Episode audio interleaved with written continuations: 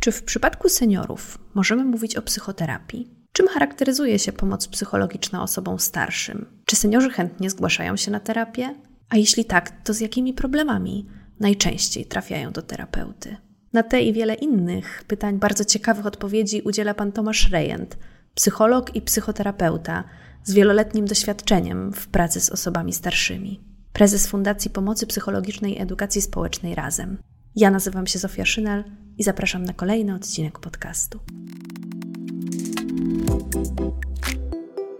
Słuchasz podcastu z cyklu ABC Psychoterapii, realizowanego w ramach strefy Psyche Uniwersytetu SWPS. Więcej merytorycznej wiedzy psychologicznej znajdziesz na psycheswps.pl oraz w kanałach naszego projektu na YouTube i Spotify. Zapraszamy.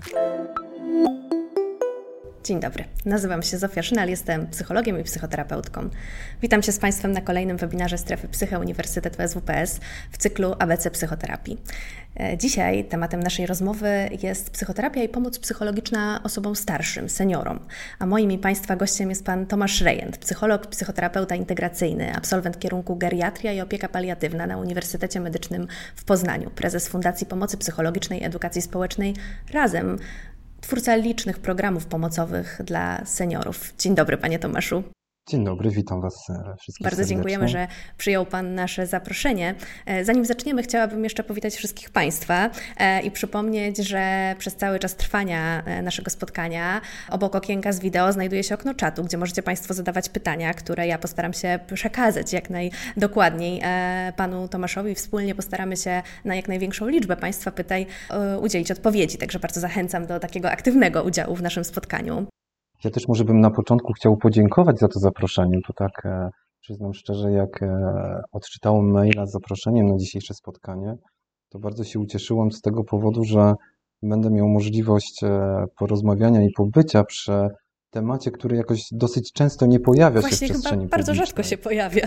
Nawet, no tak, nawet jeżeli chodzi o temat psychoterapii, pomocy psychologicznej, pamiętam swoje początki i nie jest to taki temat, z którym jakoś często spotykam się, czy na konferencjach, czy spotkaniach. E, co innego są spotkania geriatryczne, e, ale tym bardziej jakoś miło mi było przyjąć to zaproszenie i być tutaj e, z Państwem dzisiaj, żeby podzielić się tym, co robię, jak pracuję, jakie wnioski i doświadczenia jakoś wnoszę z tej swojej pracy, a może mam nadzieję, że zarazić kogoś jeszcze tutaj pasją do tego, żeby e, móc się zająć tą taką profesją, która jest e, naprawdę taką profesją, która może dać bardzo dużo satysfakcji i jest bardzo mocno potrzebna, bo zarówno geriatrów, jak i psychoterapeutów zajmujących się pacjentami geriatrycznymi jest naprawdę w Polsce niewielu, więc tak sobie myślę, że to jest e, przestrzeń, która jest do zagospodarowania mm. przez nas jako środowisko psychologiczne. I, I, zdaje się, że chyba rzeczywiście być może jest niewielu specjalistów, natomiast wiele osób zainteresowanych tematem. Już pojawiają się pierwsze pytania. E, także zacznijmy może od początku. Jak to się stało, że zajmuje się Pan e, tą właśnie taką niepopularną i wąską działką pomocy psychologicznej i psychoterapii?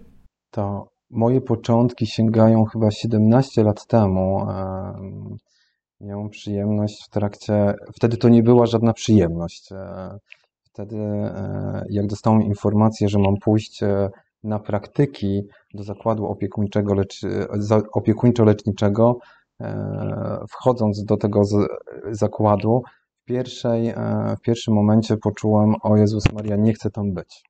Nie chcę tam być ani przez sekundę.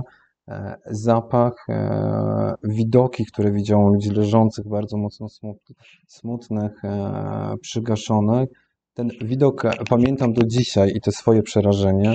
I pamiętam, że pierwsze minuty mojego bycia w tym miejscu to było zastanowienie, co ja mogę tam zrobić.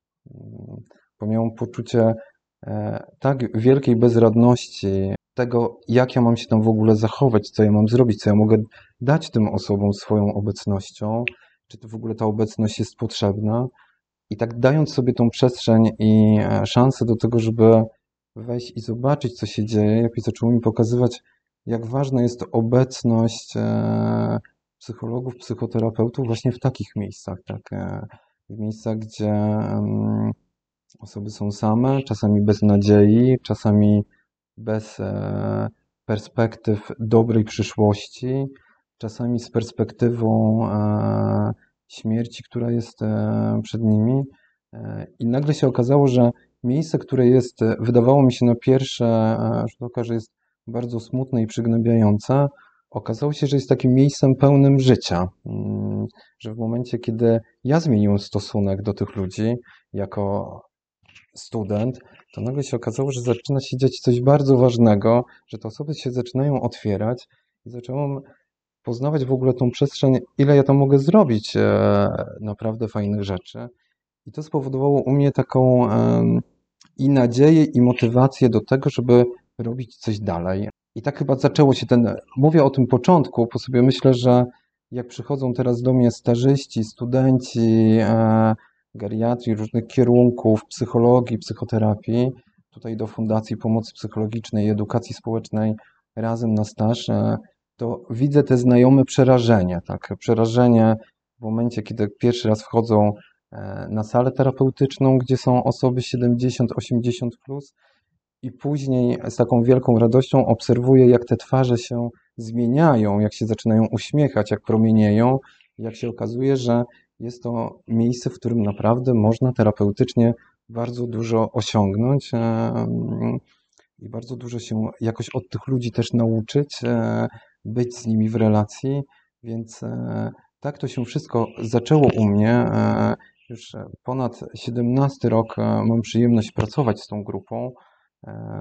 Od 10 lat prowadzę Fundację Pomocy Psychologicznej i Edukacji Społecznej Razem, której e, działalność opiera się i na grupie osób 60, e, na grupie oczywiście dzieci, młodzieży, e, grupie dorosłych, ale taką dużą naszą działką, którą się zajmujemy na co dzień, to jest pomoc specjalistyczna osobom 60. Ta pomoc specjalistyczna dotyczy głównie takich obszarów psychologiczno-psychoterapeutycznych, e, w których się najczęściej poruszamy tutaj jako fundacja. No właśnie, to jest to pomoc psychologiczna rozumiana jako wsparcie psychologiczne, nie wiem, trening funkcji poznawczych, czy być może jest to psychoterapia, czy świadczycie e, różne usługi? Świadczymy bardzo różne usługi, ale tak jak e, właśnie się zastanawiam często, czy to jest pomoc psychologiczna, czy psychoterapia, bo często pada takie pytanie. Pytanie, a czasami nawet w niektórych miejscach e, nadal zarzut, który już jest coraz rzadszy, czy, to, czy z osobami 60 plus pracujemy psychoterapeutycznie czy psychologicznie. Ja się wtedy uśmiecham, bo już dzisiaj bardzo dobrze wiem, że psychoterapia to jest moment, w którym zaczynamy budować relacje, kiedy zaczyna się coś między terapeutą a klientem, pacjentem dziać, e, kiedy zaczyna rozpoczynać się ważny proces terapeutyczny. Więc dlatego ja sobie myślę, że to, co my robimy jako fundacja, niezależnie co to są za działania, jak dla mnie jest to psychoterapia. Psychoterapia połączona z pomocą psychologiczną, w zależności kto to prowadzi, bo wiadomo, że wszystkie działania, które są prowadzone na przykład przeze mnie, e, to moi seniorzy traktują jako psychoterapię to już jak z automatu wiedzą, że jak przychodzą na salę grupową, czy jak e, przychodzą do mnie do gabinetu, to wiedzą, że te spotkania mają jakąś konwencję. Mm, konwencję, że oni mówią o sobie, mówią o tym, co czują, co się z nimi dzieje, ale też jest szereg na przykład działań, które wykonujemy, które są związane stricte z pomocą psychologiczną. Czyli tutaj przez to rozumiem e, spotkania międzypokoleniowe, spotkania aktywizujące, treningi pamięci, bez których myślę, że e, psychoterapia by nie była możliwa i moja praca by nie była możliwa, gdyby nie te wszystkie rzeczy, które się dzieją dookoła tutaj tego wsparcia grupowego czy indywidualnego. E, pomyślę, że pobudzanie osób e, do tego, żeby myślały, żeby widziały, żeby czuły, żeby miały możliwość interpretowania rzeczywistości, nazywania tego, co się dzieje, by nie było możliwe bez treningu pamięci, czy bez zajęć aktywizujących, czy bez e, tego, że na przykład pozwalamy i dajemy przestrzeń e, tutaj osobom, które do nas przychodzą, do tego, żeby mogły stanowić o sobie, e, żeby mogły decydować, jakie zajęcia chcą, żeby miały perspektywę i jakąś przyszłość. Tak? Myślę, że inaczej jest pewnie pracować tak, jak pracuję e, bardzo dużo z młodymi ludźmi w gabinecie psychoterapeutycznym i zdaję sobie z tego sprawę, że jest tutaj nadzieja, jest perspektywa, jest przyszłość, są elementy, nad którymi możemy pracować. A jeżeli przychodzi do mnie osoba na przykład 70 czy 80, czy najstarsza moja pacjentka miała 100 lat, to trudno mi sobie wyobrazić, żeby stoletnia pani miała perspektywę poznania jeszcze kogoś w momencie, kiedy jest na przykład zamknięta e, w domu, w czterech ścianach, gdzie jedyną przestrzenią e, dla tej pani było łóżko. Tak? Zdaję sobie z tego sprawę, że tu jest specyfika już pracy z taką osobą i też dawania różnych możliwości postaci czy wymiany międzypokoleniowej, czy różnego rodzaju e, interakcji społecznych, których może mieć w postaci spotkań z wolontariuszem, żeby tutaj ta psychoterapia była możliwa, żeby było możliwe pracowanie nad relacjami, które buduje, a czasami, tak jak w przypadku tej pani, jedynymi relacjami były te relacje, które były z ramienia jakby fundacji, że przychodził wolontariusz, przychodziła osoba e, na jakąś wymianę międzypokoleniową, żeby dowiedzieć się e, czegoś więcej, żeby wspólnie wykonać pracę. To ja bym wtrąciła e, takie pytanie pana Artura,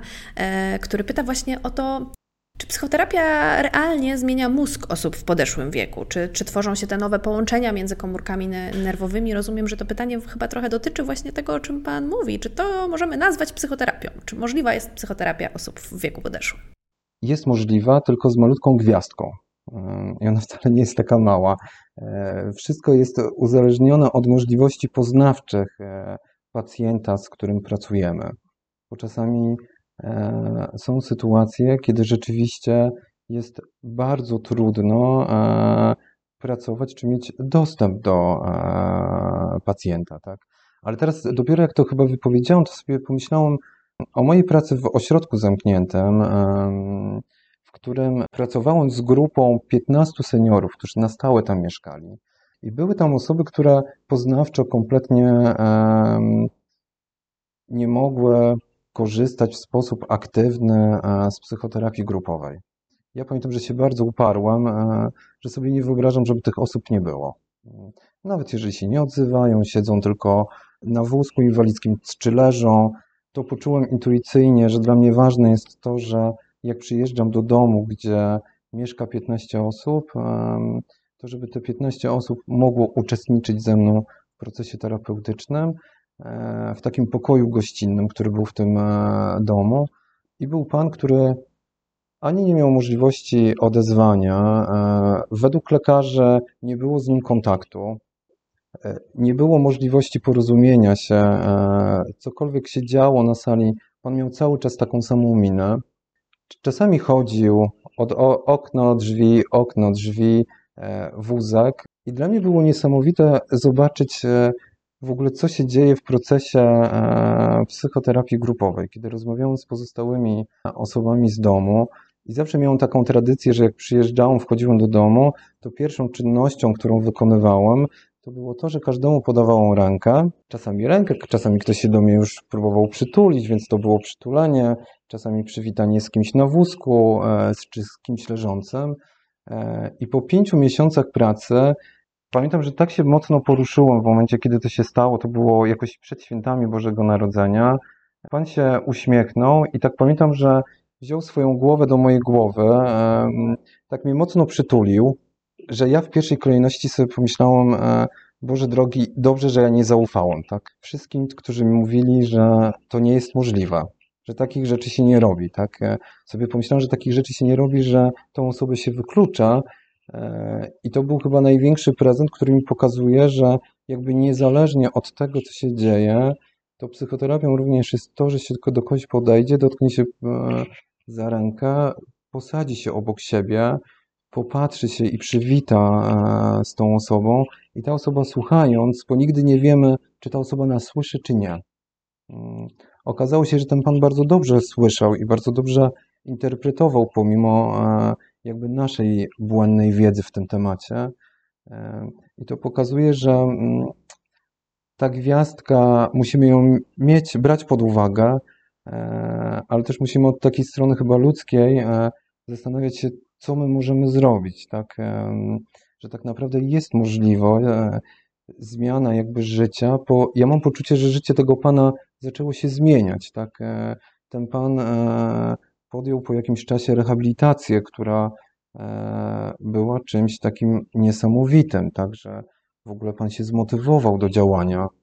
E, ja się zastanawiałem długo, tak, e, co tak naprawdę się zadziało. Odpowiedziałem sobie na to pytanie w trakcie jakby superwizji, że mm, czasami jak człowiek dostaje nadzieję, mm, w momencie, kiedy tej nadziei nie ma, bo lekarze przekreślają, rodzina przekreśla, oddaje do zakładu, do ośrodka, e, to nagle się okazuje, że to, co my robimy swoją postawą czy relacją terapeutyczną, nagle może zmienić i spowodować rzeczy, które są nawet niemożliwe. Mm, więc tutaj mam nadzieję, że odpowiedziałem Panu na pytanie.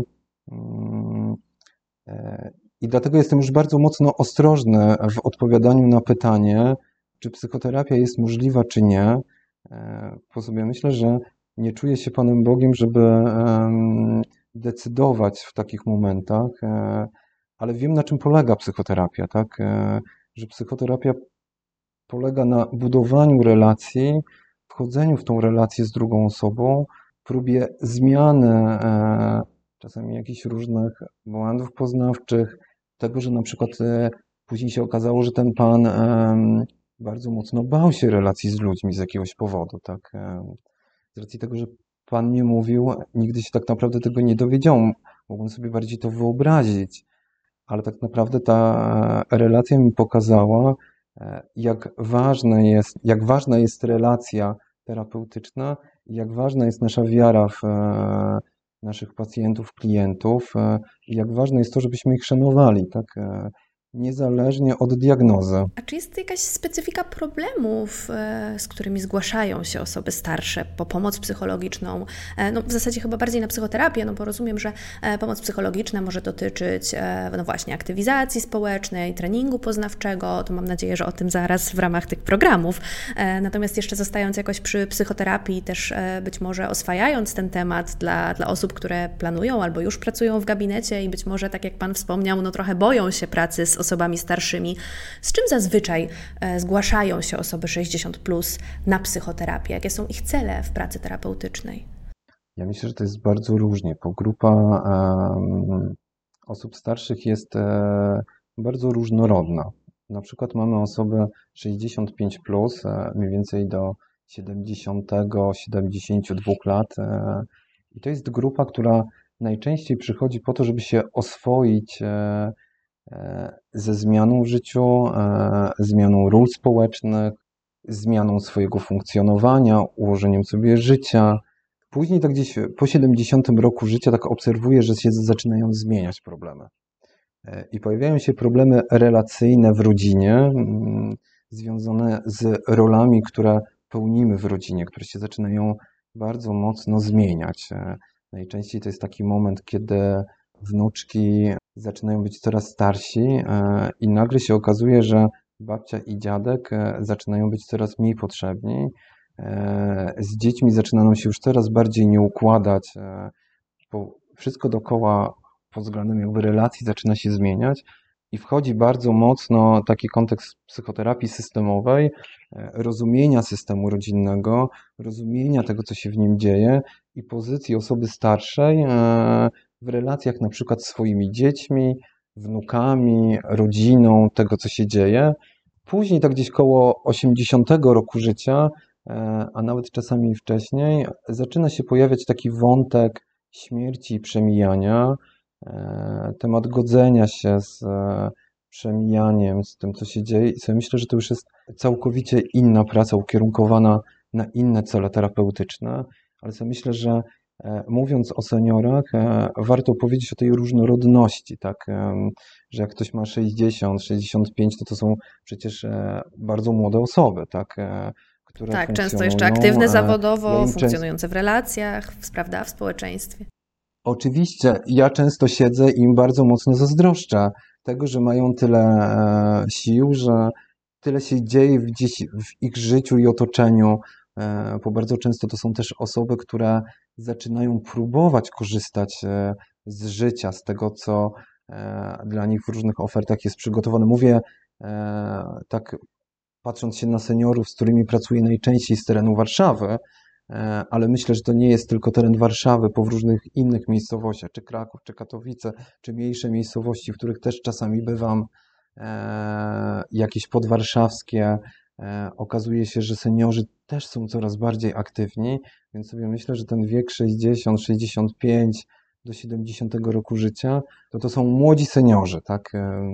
Młodzi seniorzy, którzy mają bardzo dużo sił, którzy zmieniają swoje życie, przychodzą na przykład do nas bardzo często na psychoterapię czy na grupy wsparcia dla osób współuzależnionych, chcą jeszcze zmieniać swoje relacje i swoje położenie.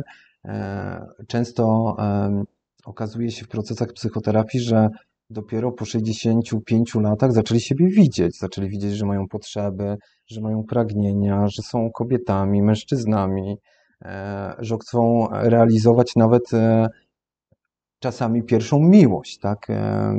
Już niedługo wyjdzie książka, w której opisuje taką rozmowę z panem, który ma aktualnie 70 lat który przyszedł na psychoterapię po to, żeby odkryć, kim jest, poczuć to, że jest mężczyzną, który kocha innego mężczyznę, ale całe życie się tego obawiał, i w końcu w pewnym momencie życia postanowił e, odkryć to, kim jest, e, to, co czuje i próbować budować swoje życie. Więc e, to pokazuje, że takie cele terapeutyczne stawiam i z dwudziestolatkami, i trzydziestolatkami, i czterdziestolatkami, więc to pokazuje, że specyfika pracy z osobami starszymi, w zależności od nastawienia psychoterapeuty, pomyślę, że to jest najistotniejsza sprawa, jaką my mamy, jakie my mamy podejście do starości, do seniorów, e, czy może my mamy czasami jakieś swoje uprzedzenia e, związane z tym, że jak ktoś ma 60-70 lat,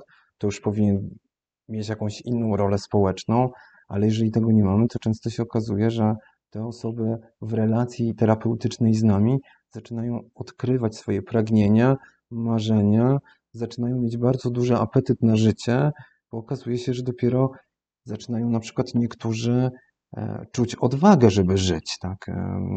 Mając na przykład męża alkoholika, z którym się żyje 40 lat i nagle okazuje się e, procesie e, psychoterapii grupowej, kiedy inne koleżanki z grupy opowiadają, że mają dosyć albo że sobie już poradziły i zaczęły żyć swoim życiem, tak trochę zostawiając z boku swojego uzależnionego partnera, nagle się okazuje, że E, te osoby, tak samo jak osoby współuzależnione w młodszym wieku, przechodzą przez bardzo podobne procesy.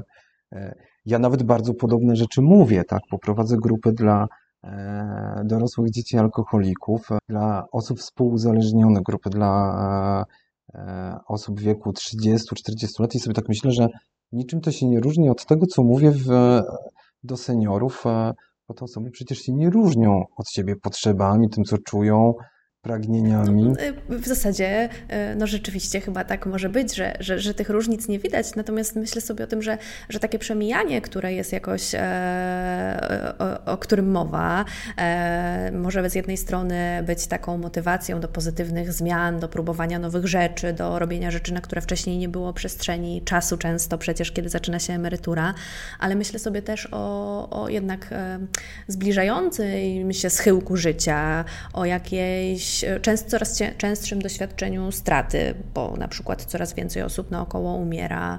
E, o, często przecież e, takie osoby chyba tracą najbliższych męża, żonę, z którym żyli całe życie i trochę się rozwala świat. O, że, że ta strata i lęk przed śmiercią no, mogą jakoś powodować też różnego rodzaju objawy depresyjne czy, czy, czy lękowe, czy zdarzają się też tacy pacjenci, z który, którzy, którzy potrzebują takiej, e, takiego leczenia właściwie?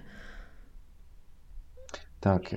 I co myślę, że także powiedziałam o pewnej grupie osób, które tutaj przychodzą, takiej najbardziej optymistycznej, tak żeby nie zniechęcać też tutaj e, państwa do tego, żeby pracować z osobami starszymi, e, bo to jest jedno oblicze pracy e, z osobami 60+, plus, ale jest te również, o którym e, wspomniała Pani przed chwilą i on jest chyba najczęściej się pojawia, tak? E, lęk strach, depresja, wielochorobowość, która zaczyna występować. Samotność. Samotność. To są takie bardzo podstawowe tematy, które się pojawiają i one są najczęściej pojawiającymi się tematami w trakcie spotkań terapeutycznych, kiedy przychodzą osoby najczęściej e, skierowane do nas e, nie z własnej inicjatywy, e, ale dzięki na przykład lekarzom POZ-u, którzy kierują do nas seniorów w momencie, kiedy ktoś zaczyna cierpieć na wielochorobowość z bólu głowy przechodzi na ból nogi, ból ręki, gorączka, temperatury, różne choroby, które występują. E, I nagle się okazuje, że taki senior szuka pomocy u lekarzy i jest kierowany do nas. I okazuje się, że pod tymi objawami nagle maskuje się depresja, tak? Czy maskują się inne problemy właśnie związane z akceptacją tego stanu, w którym się znajdujemy, e, albo trudności relacyjnych e, z dziećmi. Tak?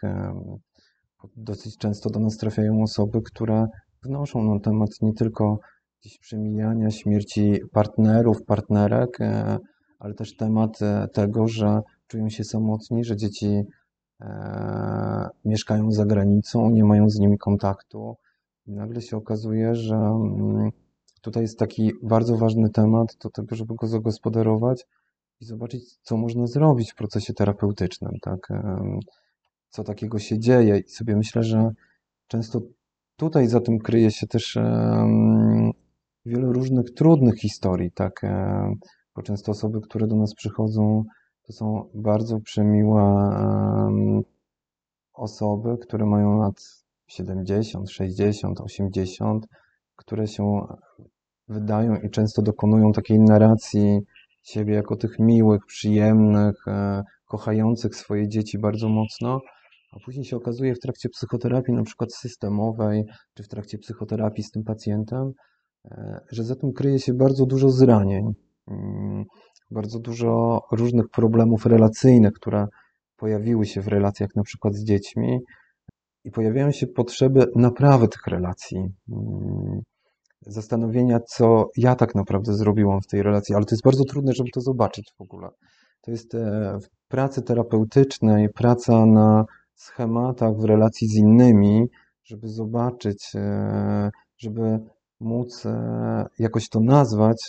W tej grupie mam poczucie, że to jest bardzo, bardzo, bardzo trudna sprawa. Bo jeżeli ktoś nie chciał widzieć czegoś przez 60 lat, nagle przychodzi z problemem braku relacji z córką, i próby naprawy i nagle w momencie, kiedy zaczyna osoba wnosić różne doświadczenia, okazuje się, że tam dochodziło do bardzo trudnych doświadczeń e, relacyjnych, e, nagle, żeby pokazać, co się zadziało, co można jakby zrobić, e, jak można naprawić tą relację, jest to bardzo trudne. I wtedy ja się często posiłkuję, powiem, że jako osoba, która prowadzi psychoterapię indywidualną, jest to naprawdę mega, mega trudne. I tutaj na przykład w takich ośrodkach jak nasza fundacja, często posiłkujemy się grupami psychoterapeutycznymi, w ramach których można zobaczyć e, relacyjnie, co się dzieje między uczestnikami. Tak? E, kiedy to uczestnicy sami mogą nazwać, jak się czują w relacji, na przykład z panem, z panem X czy z panią X,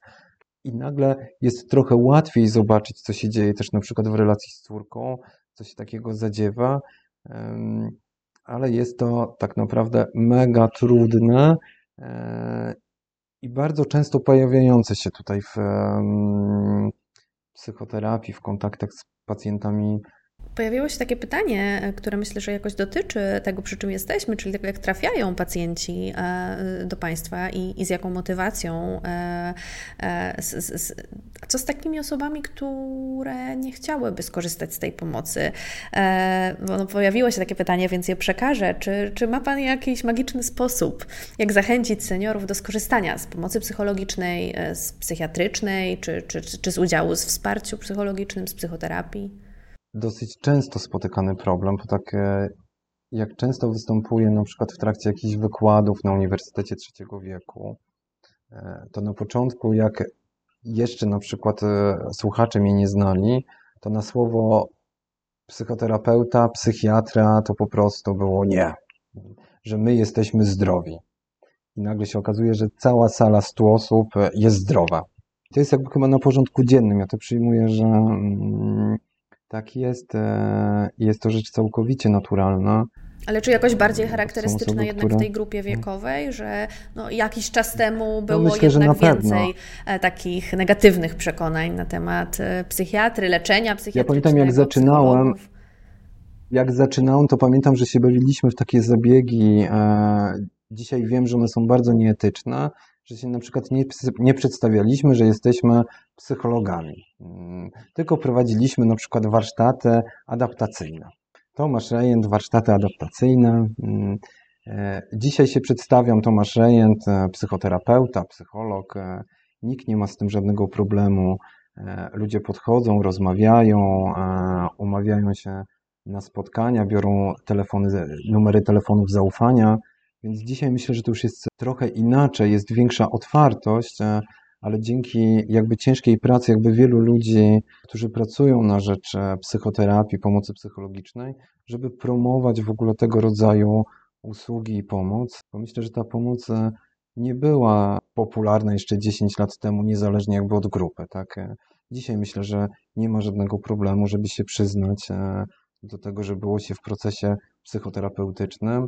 Ja na przykład e, często w grupie seniorów mówię o swoich doświadczeniach terapeutycznych, że miałem przyjemność bycia na grupie psychoterapeutycznej DDA, DDD, bo mój tata był alkoholikiem i nagle jest pytanie, ale jak to przyjemność? Nagle jest e, w niektórych grupach takie pytanie, jak to można się tym podzielić? Ja mówię, że to jest rzecz całkowicie naturalna rozwój, dbanie o siebie. I sobie myślę, że w zależności od tego, jak to zaczynamy przekazywać i jaki my mamy stosunek do tego, e, jakie my mamy podejście sami do siebie i do relacji z naszymi pacjentami czy z różnymi grupami, jeżeli my wychodzimy z otwartością do tego tematu i też dzielimy się oczywiście jako psychoterapeuci, dzielimy się w bardzo taki kontrolowany sposób, żeby nie mówić o swoich doświadczeniach, e, ale pokazać też taką swoją ludzką twarz i tego, że nie jest to rzeczywiście żadnym wstydem.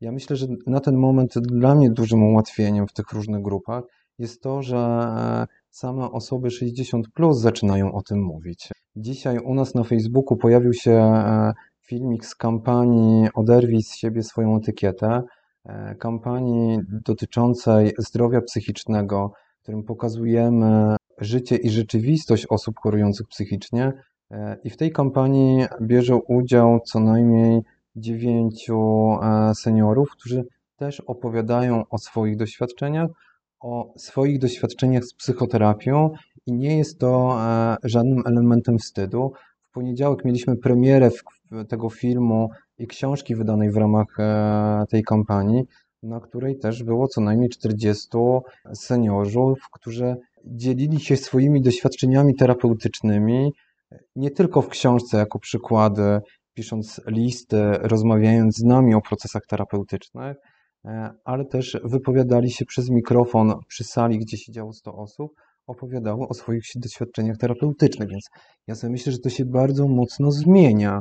E, zmienia się podejście do psychoterapii i sobie myślę, że jest to też, ja tak to postrzegam, że uczymy się często przez modelowanie i skoro nawet psychoterapeuta nie wstydzi się tego, żeby powiedzieć, że w trakcie procesu terapeutycznego e, miał on tą możliwość e, bycia w procesach psychoterapeutycznych swoich własnych e, i uważam, że to jest jakby rzecz, która bardzo mocno mi się przydała i jest pomocna, to sobie myślę, że te osoby też w którymś momencie przestają się wstydzić mówić Czyli o sobie, normalizacja. Mówić o swoich doświadczeniach. Normalizacja. W szczególności ja myślę, że w takim miejscu jak Fundacja Pomocy Psychologicznej i Edukacji Społecznej Razem, gdzie większość osób uczestniczy w różnych procesach terapeutycznych, w różnych procesach aktywizacyjnych, na porządku dziennym jest to, żeby nie bać się jakby o tym mówić, chociaż rzeczywiście tak sobie myślę, że i u nas w fundacji często występuje tak, że przychodzą osoby czasami 2-3 lata i później z różnych jakby rozmów wynika, że one nie przychodzą na żadną pomoc psychologiczną, pomimo tego, że przychodzą na grupę wsparcia. Nagle się e, okazuje, że przychodzą na rysowanie, malowanie, skakanie, tańczenie. I sobie myślę, że kwestia problemu i trudności w nazwaniu po imieniu pewnych rzeczy występują różne opory, takie wyparcie, że tak naprawdę no, przychodzę, to jest nic innego, e, tym bardziej, że mamy umieszczony harmonogram, jest, na, e, jest pełna informacja, e, lista obecności, e, którą ktoś podpisuje na grupie terapeutycznej, ale wiadomo, że czasami lepiej jest nazwać coś inaczej, tak więc e, czasami takie osoby występują i e, tak się dzieje, ale co myślę, że ja, mam takie podejście, że staram się w żaden sposób tego tematu e, nie dramatyzować, e, bo zdaję sobie z tego sprawę, że skoro ta osoba przychodzi, skoro korzysta e, i my w sposób taki etyczny mówimy, co to jest, to jak to pacjent już nazywa, to to jest jakaś informacja dla nas o tym, co się może dzieje w tym pacjencie, tak? Jak on chce być postrzegany. Poza myślę, że ludzie mają różne potrzeby i różne zachowania i różne mechanizmy nimi kierują, tak? Że występują różne zaburzenia i sobie myślę, że czasami dla procesu terapeutycznego na grupie nazywamy pewne rzeczy po imieniu, a czasami jest tak, jeżeli się to dzieje w jakiejś innej przestrzeni, to przyjmujemy to, jak dana osoba e, to nazywa, chociaż cała pozostała część grupy nazywa to grupą psychoterapeutyczną. E, które, których jest Pan twórcą, e, bo myślę sobie, że to jest pewnego rodzaju no tak, tak, tak chyba mogę to nazwać, taki przywilej e, pracy w takim miejscu, w którym można zaoferować pacjentom różnorodne działania, bo tak zrozumiałam funkcjonowanie fundacji, że pacjenci mogą skorzystać zarówno z, tak jak usłyszałam, terapii zajęciowej, z wsparcia psychologicznego, z grupy terapeutycznej. Czy, czy te programy właśnie uwzględniają różne te elementy? Tak, ja myślę, że w ogóle e, mówiąc o pomocy psychologicznej, psychoterapeutycznej dla grupy e, pacjentów geriatrycznych, tutaj należy uwzględnić bardzo dużą różnorodność, e, która jest związana z możliwościami poznawczymi naszych pacjentów. Bo są osoby, które mogą uczestniczyć na przykład w tradycyjnych grupach terapeutycznych, a są osoby, które z różnych powodów bardziej odnajdą się na przykład psychoterapii grupowej ukierunkowanej na taniec i ruch.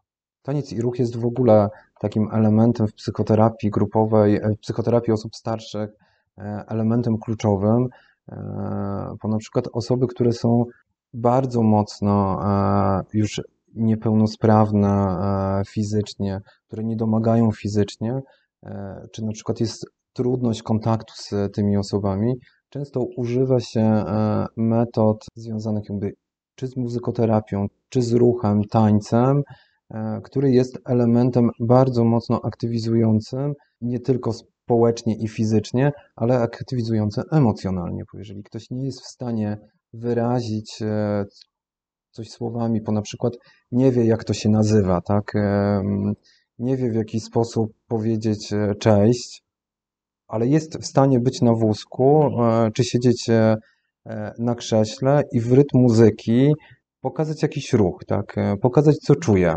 E, I nagle tutaj wychodzą naprawdę jakieś takie magiczne czasami rzeczy, że osoba, która się nie odzywa, czy która, z którą nie było kontaktu, pod wpływem jakiejś melodii zaczyna robić ruchy, które pokazują, pokazują bardzo mocno, co na przykład ta osoba czuje, co się z nią dzieje, jakie ma marzenia, jakie ma pragnienia.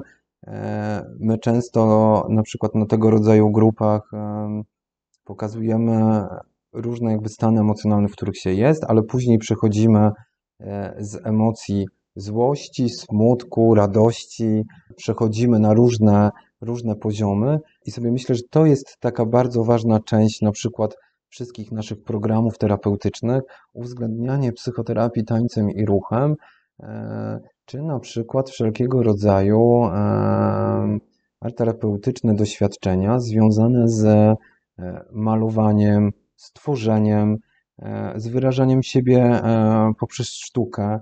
To jest jakby kolejne takie działanie. Czy na przykład w każdy poniedziałek tutaj u nas w fundacji odbywają się treningi pamięci. Treningi pamięci, które cieszą się bardzo dużą popularnością, w których nasi seniorzy mogą w taki sposób, który jest dostosowany do nich, mogą trenować swoją pamięć. Tak mówię w sposób dostosowany do nich i tak się zawieszam na tym słowie, tak nie powiedziałem o jednej takiej kluczowej kwestii, że osoby, z którymi pracujemy, osoby starsze, one tak samo jak na przykład ja jako osoba dorosła, nie wyobrażam sobie, żeby pójść na przykład na zajęcia i żeby ktoś na tych zajęciach próbował traktować mnie jak dziecko, brać mnie na przykład za rączki e, i mówić Tomuś zatańcz, Tomuś usiądź, e, jak pięknie tańczysz, e, jak pięknie śpiewasz. I sobie myślę, że tutaj kwestia tego szacunku i godności i robienia wszystkiego, co w naszej mocy, żeby traktować osobę zgodnie z jej wiekiem, czyli jeżeli ktoś ma 60, 70, 80 lat, E, nie rozwiązuje krzyżówek dla dzieci, tak? tylko rozwiązuje krzyżówki dla dorosłych. Tak? Chyba, że funkcje poznawcze e, ze względu na przykład na choroby otępienne wymagają tego, żeby schodzić już z poziomu, tak? na przykład na poziom niżej.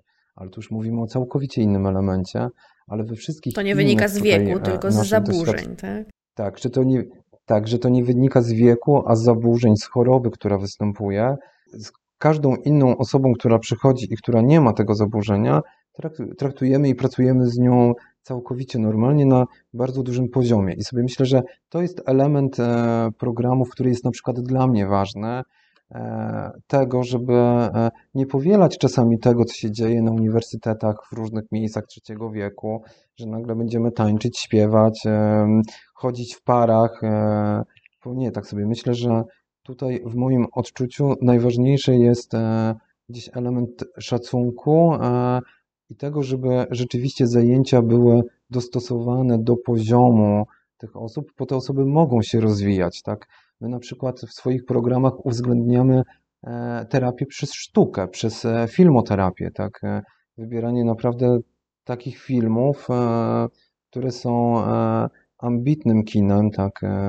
o którym można jakby porozmawiać, o różnych problemach e, społecznych, współczesnych i nie tylko, dotyczących na przykład ostatnio grupa seniorów była na filmie pod tytułem Mój wspaniały dzień, nie, nie mój wspaniały dzień, tylko moje wspaniałe życie, e, o kobiecości, o tym, co się dzieje, jakie role przyjmujemy jako e, kobiety, mężczyźni, co się dzieje w relacjach, co się dzieje, jak miło się wypala. I sobie myślę, że jak ja to widzę, jak te osoby się rozwijają, jak zaczynają też e, starać się zrozumieć na przykład świat swoich dzieci, mm, jakieś różne role. I co myślę, że to właśnie pokazuje e, tą powagę tego, że jak tworzymy program, e, to program powinien być przygotowany z szacunkiem do intelektu ludzi, żeby nie musieli przychodzić i malować i rysować. Jeszcze nikt im tego nie powie, E, po co oni mają malować, tak? No właśnie, to być może potrzebujemy Ostatnio... tutaj też powiedzieć dwa zdania, czym jest terapia zajęciowa, e, bo to chyba często jest właśnie niezrozumiałe, szczególnie na początku, jeśli ktoś wcześniej nie miał z tym do czynienia, e, no to jest to oglądanie filmu, malowanie i tańczenie. A, a, a chciałabym też poprosić o doprecyzowanie, dlatego że Pan Dawid pytał na czacie właśnie o przykłady takich ćwiczeń dla seniorów, które, które mają miejsce podczas terapii zajęciowej. Już, już trochę o tym powiedzieliśmy, bo wspomniał Pan o różnego rodzaju terapiach zajęciowych, które się odbywają w ramach tych programów. Tylko ja myślę, że to chyba wymaga doprecyzowania, bo terapia zajęciowa, działania na przykład związane z muzykoterapią, z terapią tańcem i ruchem, nie należą do zajęć związanych z terapią zajęciową, dlatego że to są działania stricte psychoterapeutyczne.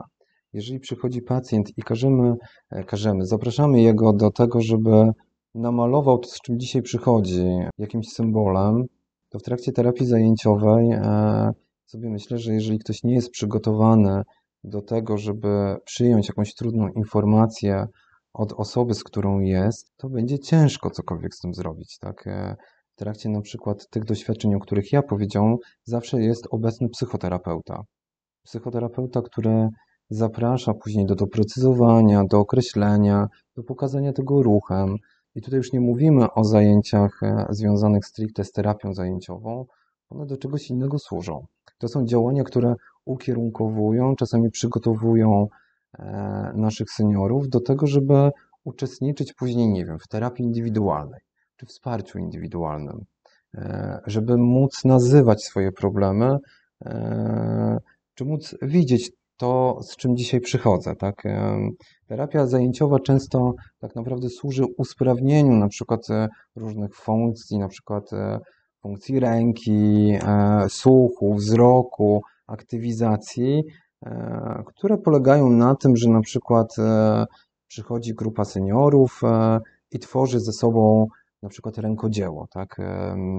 Na przykład u nas seniorzy w ramach takich klubów samopomocowych, które e, sami tworzą, e, wykonują bombki, czy wykonują jakieś różne inne rzeczy, które są typową terapią zajęciową, e, ale tutaj jest taki haczyk, że my jesteśmy psychoterapeutami, geriatrami, więc my wszystko staramy się automatycznie wykorzystać dla celów psychoterapeutycznych.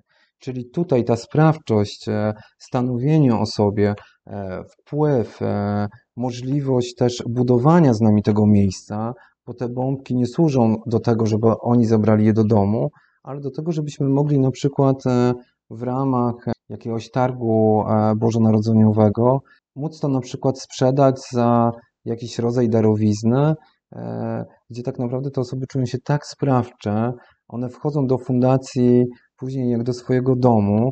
Ja się tak zastanawiam, czy to jest rzeczywiście terapia zajęciowa, e, czy to jest e, inteligentnie ułożona, e, ułożony w ogóle cały proces psychoterapeutyczny, tak? gdzie każde zdarzenie, każde wydarzenie, które jest się dzieje w przestrzeni fundacji, jest po coś, tak? Jest na przykład po to, że osoby, które tworzą takie bombki, z racji tego, że wiek podeszły charakteryzuje się skupieniem na sobie, na swoich potrzebach, e, na to, że ja mam rację, nie ty. Nagle się okazuje, że tutaj w tej przestrzeni naszej fundacyjnej jest bardzo dużo konfliktów. Konfliktów między uczestnikami, konfliktów, tak jak też jako fundacja pomagamy nie tylko osobom starszym, ale na przykład e, osobom, które uciekają przed wojną z Ukrainy, tak, e, bo mamy około 200 osób z Ukrainy, które na co dzień przychodzą do nas do fundacji i nagle też powstają konflikty dotyczące my byliśmy e, tutaj dla tej fundacji wszystkim, a teraz się okazuje, że musimy dzielić się panem Tomkiem, on się zajmuje też e, e, na przykład z osobami z Ukrainy, my już ich nie lubimy przez to, tak? I sobie myślę, że pojawiają się konflikty, które też e, są takim elementem pracy terapeutycznej, że ja to nazywam, że to są takie spotkania później społeczności terapeutycznej fundacji, gdzie wszyscy się spotykają i zaczynamy próbować wyjaśniać, co się dzieje. Tak? E, ja w momencie, kiedy wybuchła wojna na Ukrainie, jestem wzywany na takie spotkania terapeutyczne społeczności terapeutycznej fundacji średnio dwa razy w tygodniu, tak? E, na wyjaśnianie różnych konfliktów które się zadziały, tak, e, konfliktów dotyczących tego, co się dzieje. I sobie myślę, że ktoś by pomyślał, że co to za praca terapeutyczna, tak, ale jest to psychoterapia, która polega na tym, że jako w ogóle społeczność e, tutaj, która buduje tą fundację, e, patrzy się na seniorów, czy osoby z Ukrainy, czy młodzież, dzieci, które z nami pracują, że w którymś momencie wyjaśnia się te konflikty, próbuje się znaleźć jakieś rozwiązanie e, i wypracowuje się jakiś sposób działania. A co okazuje się tak naprawdę później w rozmowach z tymi osobami, często te konflikty i problemy nie są tylko tutaj w przestrzeni fundacji, ale one się pojawiają w rodzinach, wśród znajomych. Więc sobie myślę, że e, tutaj mówiąc o programach, to ja myślę o całym kompleksie rzeczy, które się tutaj dzieją, tego, że żeby taka fundacja mogła działać, to każde działanie musi być bardzo mocno przemyślane. U nas oprócz tych działań, na przykład muzykoterapii, e, terapii tańcem i ruchem, grupy dla współuzależnionych, grupy dla e, osób w kryzysach emocjonalnych, e, patrząc się tylko na osoby starsze, bo oczywiście tych grup mamy więcej, czy treningów pamięci, czy zajęć z relaksacji, które są w każdym tygodniu, czy treningów pamięci, treningów funkcji poznawczych, warsztatów psychoedukacyjnych dotyczących na przykład zaburzeń snu, potrzeb seksualnych, chorób wie, wieku starczego, nietrzymania moczu, treningów związanych e, z funkcjonowaniem zdrowia fizycznego, praca z kręgosłupem. Co myślę, że tego jest jakby bardzo duża jakby wielość różnych działań, ale wszystko jest na tyle przemyślane, że z jednego działania wynika drugie działanie, tak? A wszystko jeszcze jest połączone tym, że większość osób, które przychodzi do nas i które nie przychodzi do nas, bo każda osoba może do nas zadzwonić, działają telefony zaufania od poniedziałku do piątku, gdzie wolontariusze, stażyści, e, pracownicy fundacji obsługują te telefony i rozmawiają na przykład z osobami, które do nas przychodzą. Albo mamy tak zwane obdzwonki, że mniej więcej e, nasza baza osób, z którymi się kontaktujemy, powiemy, że są zamknięte w domu, nie mają kontaktu e, zbyt dużego z otoczeniem. To jest grupa pewnie na ten moment licząca około 100 osób. To są osoby, które są obdzwaniane raz w tygodniu, że sprawdzamy, co się z tymi osobami dzieje. Kontrolnie jest to też jednym z elementów e, pomocy psychologicznej. E, jest tak zwana obdzwonka, że mamy bazę, nie wiem, 2000 osób, które do nas przychodziły, czy nawet jakby więcej teraz na ten moment, bo to są różne kluby seniora, Uniwersytet Trzeciego Wieku, E, gdzie nasi na przykład starzyści, e, psycholodzy, psychoterapeuci zajmują się sprawdzaniem, czy te osoby mają potrzeby psychologiczne. Tak? E, czyli nie jest tak, że my czekamy, aż te osoby przyjdą do nas, ale mamy wielki segregator z różnymi listami i ze zgodami na telefony i przynajmniej raz na kilka miesięcy próbujemy zadzwonić, żeby zapytać się, co u tej osoby słychać i czy ona potrzebuje.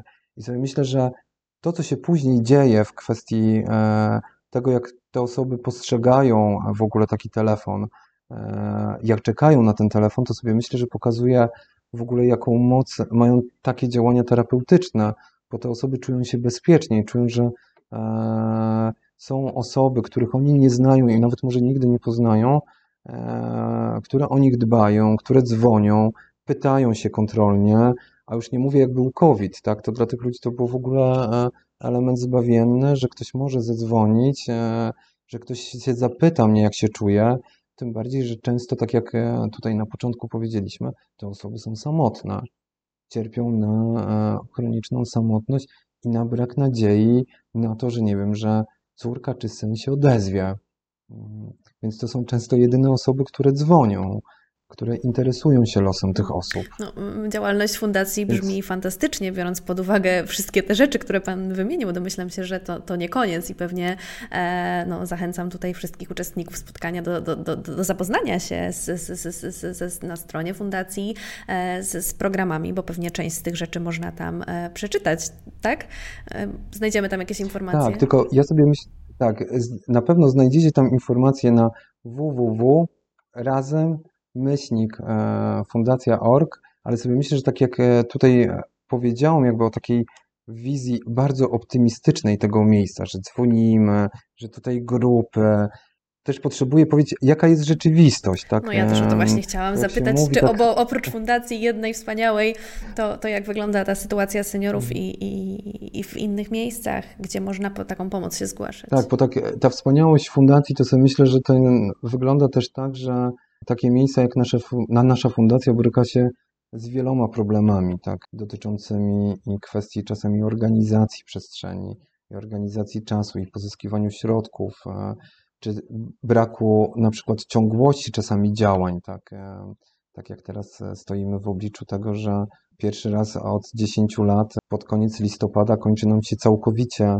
finansowanie dla seniorów, co jest w ogóle taką totalną dla nas katastrofą terapeutyczną, po sobie myślę, że zaniedbać wszystkie procesy, które są rozpoczynane, które często nie są do dokończenia jakby w innych miejscach ze względu na to, że osoby starsze są bardzo mocno relacyjne, jest to naprawdę bardzo mocno problematyczne. I sobie myślę, że też tak już optymistycznie to nie wygląda, jeżeli chodzi o kwestię zaangażowania takiego społecznego w temat pracy seniorami. Tak? Bo sobie myślę, że my specjaliści też często doświadczamy wypalenia zawodowego związanego z pracą właśnie z tą grupą, tak, w związku z różnymi problemami, tak, tak sobie myślę, że dla mnie jako dla psychoterapeuty, osoby z wykształceniem e, medycznym, która się kształciła w geriatrii i opiece paliatywnej, pewne rzeczy mogę sobie przetłumaczyć w głowie, że na przykład jakieś elementy występują nie ze względu na to, że ktoś taki jest, e, tylko ze względu na zmiany, które zachodzą w procesie starzenia, tak. Ale mam poczucie, że często jak osoby przychodzą do pracy, często jest trudno oddzielić e, ten kawałek e, dotyczący tego, co jest jakby chorobą, co jest jakby złośliwością tej osoby i zaczynają się schody, tak? E, zaczynają się schody po Często mogą zmieniać się pracownicy, te aktywności też się często zmieniają, te osoby się przyzwyczajają do osób, bardzo cierpią. Tutaj, tak jak na samym początku Pani mi zadała pytanie odnośnie tutaj tematu przemijania i śmierci, to wraz z odejściem psychologa, psychoterapeuty, znowu konfrontujemy się z tym, że ktoś był, a kogoś nie ma, ze stratą. E, I sobie myślę, że jak ja jestem jedyną taką e, stałą osobą, która pracuje jakby z nimi, to oni często przychodzą i płaczą i mówią, że znowu kogoś stracili, co oni zrobili takiego, tak? E, co się takiego stało, co się zadziało, taki pomimo tego, że oni słyszą, że nic się nie zadziało, że ktoś idzie, ktoś się rozwija, tak? ktoś idzie do przodu, ktoś skończył szkołę psychoterapii, teraz otwiera swój gabinet i jest to rzecz całkowicie naturalna, tak? To nagle poczucie straty i poczucie tego, co się dzieje, to jest e, coś niesamowitego, ale też wiem od innej strony, ile to kosztuje nas, specjalistów, często e, w kwestii pracy, bo czasami są takie miesiące, kiedy mierzymy się bardzo mocno też z tematem śmierci naszych e, pacjentów, klientów, którzy przychodzą, tego, że też czysto po ludzku, pomimo tego, że mamy bardzo dobry swój warsztat e, nie zbliżania się, nie budowania bliskości, ale jesteśmy ludźmi, tak? E, I oczywiście zbliżamy się do tych osób, które przychodzą, tak? Ja mam takie osoby, z którymi jestem bardzo blisko, znając je 10 lat, wiedzą co lubią, one też wiedzą często co ja lubię. Spędziliśmy ze sobą różny czas w trakcie różnych podróży, wycieczek, spotkań, więc sobie myślę, że w sposób naturalny też mam poczucie takie, jak ja często muszę superwizować ten kawałek dotyczący tego, że mm, pomimo tego, że byłem świadomy, że ludzie umierają, nagle w mojej głowie pojawiła się iluzja nieśmiertelności, tego, że to będzie trwało, tak? A nagle się okazuje, że to mm. nie trwa. No to bardzo ważne kwestie dotyczące jakoś trudności też e, pracy terapeutycznej, psychologicznej z osobami starszymi. E, natomiast pamiętam, od czego zaczęliśmy to spotkanie. E, od tego, że, że, że chciał Pan zachęcić jakoś do, do, do, do pracy z osobami starszymi, do zgłębiania tego tematu. Tak, i chyba to jest, tak, i chyba to jest bardzo mocno zachęcające, bo sobie myślę, że skoro wchodzimy w bliskie relacje, skoro budujemy relacje z osobami, które są, to się okazuje, że mm, jednak warto. Mm, nawet jeżeli e, większość z naszych e, pacjentów, klientów podchodziło, poumierało, to sobie myślę, że to, co się zadziało w trakcie obecności e, tych osób, ile rzeczy też my z nimi przeżywamy, tak? To sobie myślę, że jest taki skarb i sobie myślę, że Niezależnie od tego, czy pracujemy pewnie z osobami 60 plus 70, 80, 30, 20, nasi klienci przychodzą, później w sposób naturalny e, odchodzą, tak kończąc proces e, i to jest wpisane w tą naszą pracę, ale ile mamy z tego też przyjemności w momencie, kiedy e, odchodzi ktoś z uśmiechem na twarzy, a my czujemy, że wykonaliśmy z tą osobą dobrą pracę, w zmianie i ja myślę, że ta zmiana jest możliwa niezależnie od tego, czy mamy lat 30, 20, 40, 50, 60, 70, 80, 90, 100. Po sobie myślę, że nawet i w wieku 100 lat zmiana jest możliwa. Panie Tomaszu, bardzo dziękuję za tę rozmowę. To wszystko, co Pan opowiedział, było bardzo ciekawe i inspirujące. E, sądząc po, po aktywności, po pytaniach, e, no, no, myślę, że wiele osób zostało zachęconych do zgłębienia tematu. E, wspomniał Pan o książce. Czy, czy, czy, czy może Pan na koniec polecić jeszcze jakąś literaturę albo odnieść odnośnik do, do, do czegoś, gdzie osoby, które zainteresował ten temat pomocy psychologicznej, psychoterapii osobom starszym, mogłyby dowiedzieć się jeszcze czegoś więcej? To tak, jeżeli nas słuchają osoby 60 plus mm, albo 55 plus, e, tylko trudno jest tutaj mówić, że to jest osoba starsza 55 plus czy 60 lat, e, ale mogę polecić e, taki nasz bezpłatny poradnik, to jest Razem po siłę. Mm, poradnik, który napisałam głównie z myślą o osobach starszych, opisując różne trudności, zaburzenia, choroby, tego, jak sobie radzić z nimi. Do tego bardzo gorąco polecam i odsyłam. W szczególności, jeżeli ktoś pracuje z seniorami, to myślę, że to jest pozycja, która może się bardzo mocno przydać. Dla pacjentów. Jakby. Mhm. Dla pacjentów.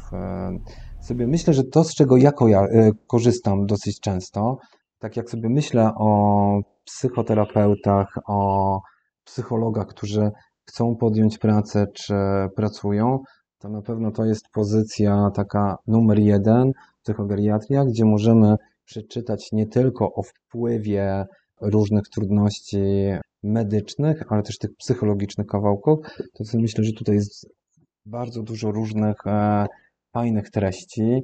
Tutaj widzę oswoić Alzheimera. To jest też taka fajna książka, e, dająca możliwość trochę zobaczenia świata oczami osoby chorującej.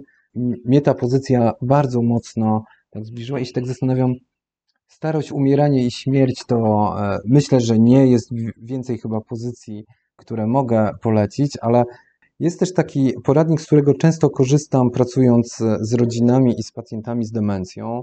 Demencja, e, taki przewodnik po zmianach jakby w wieku jakby geriatrycznym, to też jakby bardzo mocno polecam. I na pewno też mogę polecić nasze filmiki, tak dziwne by było, gdybym ich nie polecił. I tam można zobaczyć w tych naszych filmikach na YouTubie, e, co mówią osoby starsze e, o, psycho, o grupach wsparcia dla osób współzależnionych. E, jeżeli wpiszą Państwo sobie w wyszukiwarkę Fundacja Pomocy Psychologicznej razem na YouTubie, na pewno wyskoczy, wyskoczą filmiki związane z współuzależnieniem i w trakcie jakby tych filmików można posłuchać też e, osób starszych. Ja dzisiaj też wspominałem na temat kampanii, która rozpoczęła się w poniedziałek tutaj w naszej fundacji jest prowadzona razem z województwem mazowieckim, z Mazowieckim Centrum Polityki Społecznej e, i w ramach których też e, zostaną na dniach wypuszczone cztery podcasty, w których występują i osoby młode, i osoby starsze, i seniorzy, dlatego że też w tej takiej mojej koncepcji pracy terapeutycznej mam poczucie, że nie ma co dzielić nas na starszych, młodszych i seniorów, bo myślę, że ten podział w niektórych kawałkach pracy terapeutycznej może być przydatny. W większości jakby życia społecznego, czy rozmawiając o depresji, rozmawiając o schizofrenii, rozmawiając o współuzależnieniu, te elementy są bardzo mocno bliskie. E, I stąd, z racji tego, że jesteśmy fundacją integracyjną, która zajmuje się integracją różnych grup społecznych, staramy się nie zamykać w grupach, tak, e, żeby nie wypuszczać filmów na przykład o osobach chorujących psychicznie i nie mówić, że to osoby starsze chorują tylko. Bo wiadomo, że kryzys może dotknąć każdego z nas, jest niezależny od wieku. Bardzo dziękuję za te polecenia. Ja jeszcze chciałabym do tego e, dołożyć oczywiście wszelkie kanały mm, Uniwersytetu SWPS, strefy Psyche. E, zachęcam Państwa do czytania, oglądania i słuchania materiałów. No i do zobaczenia na kolejnym spotkaniu w ramach kolejnej rozmowy. Bardzo dziękuję Panie Tomaszu. Dziękuję również.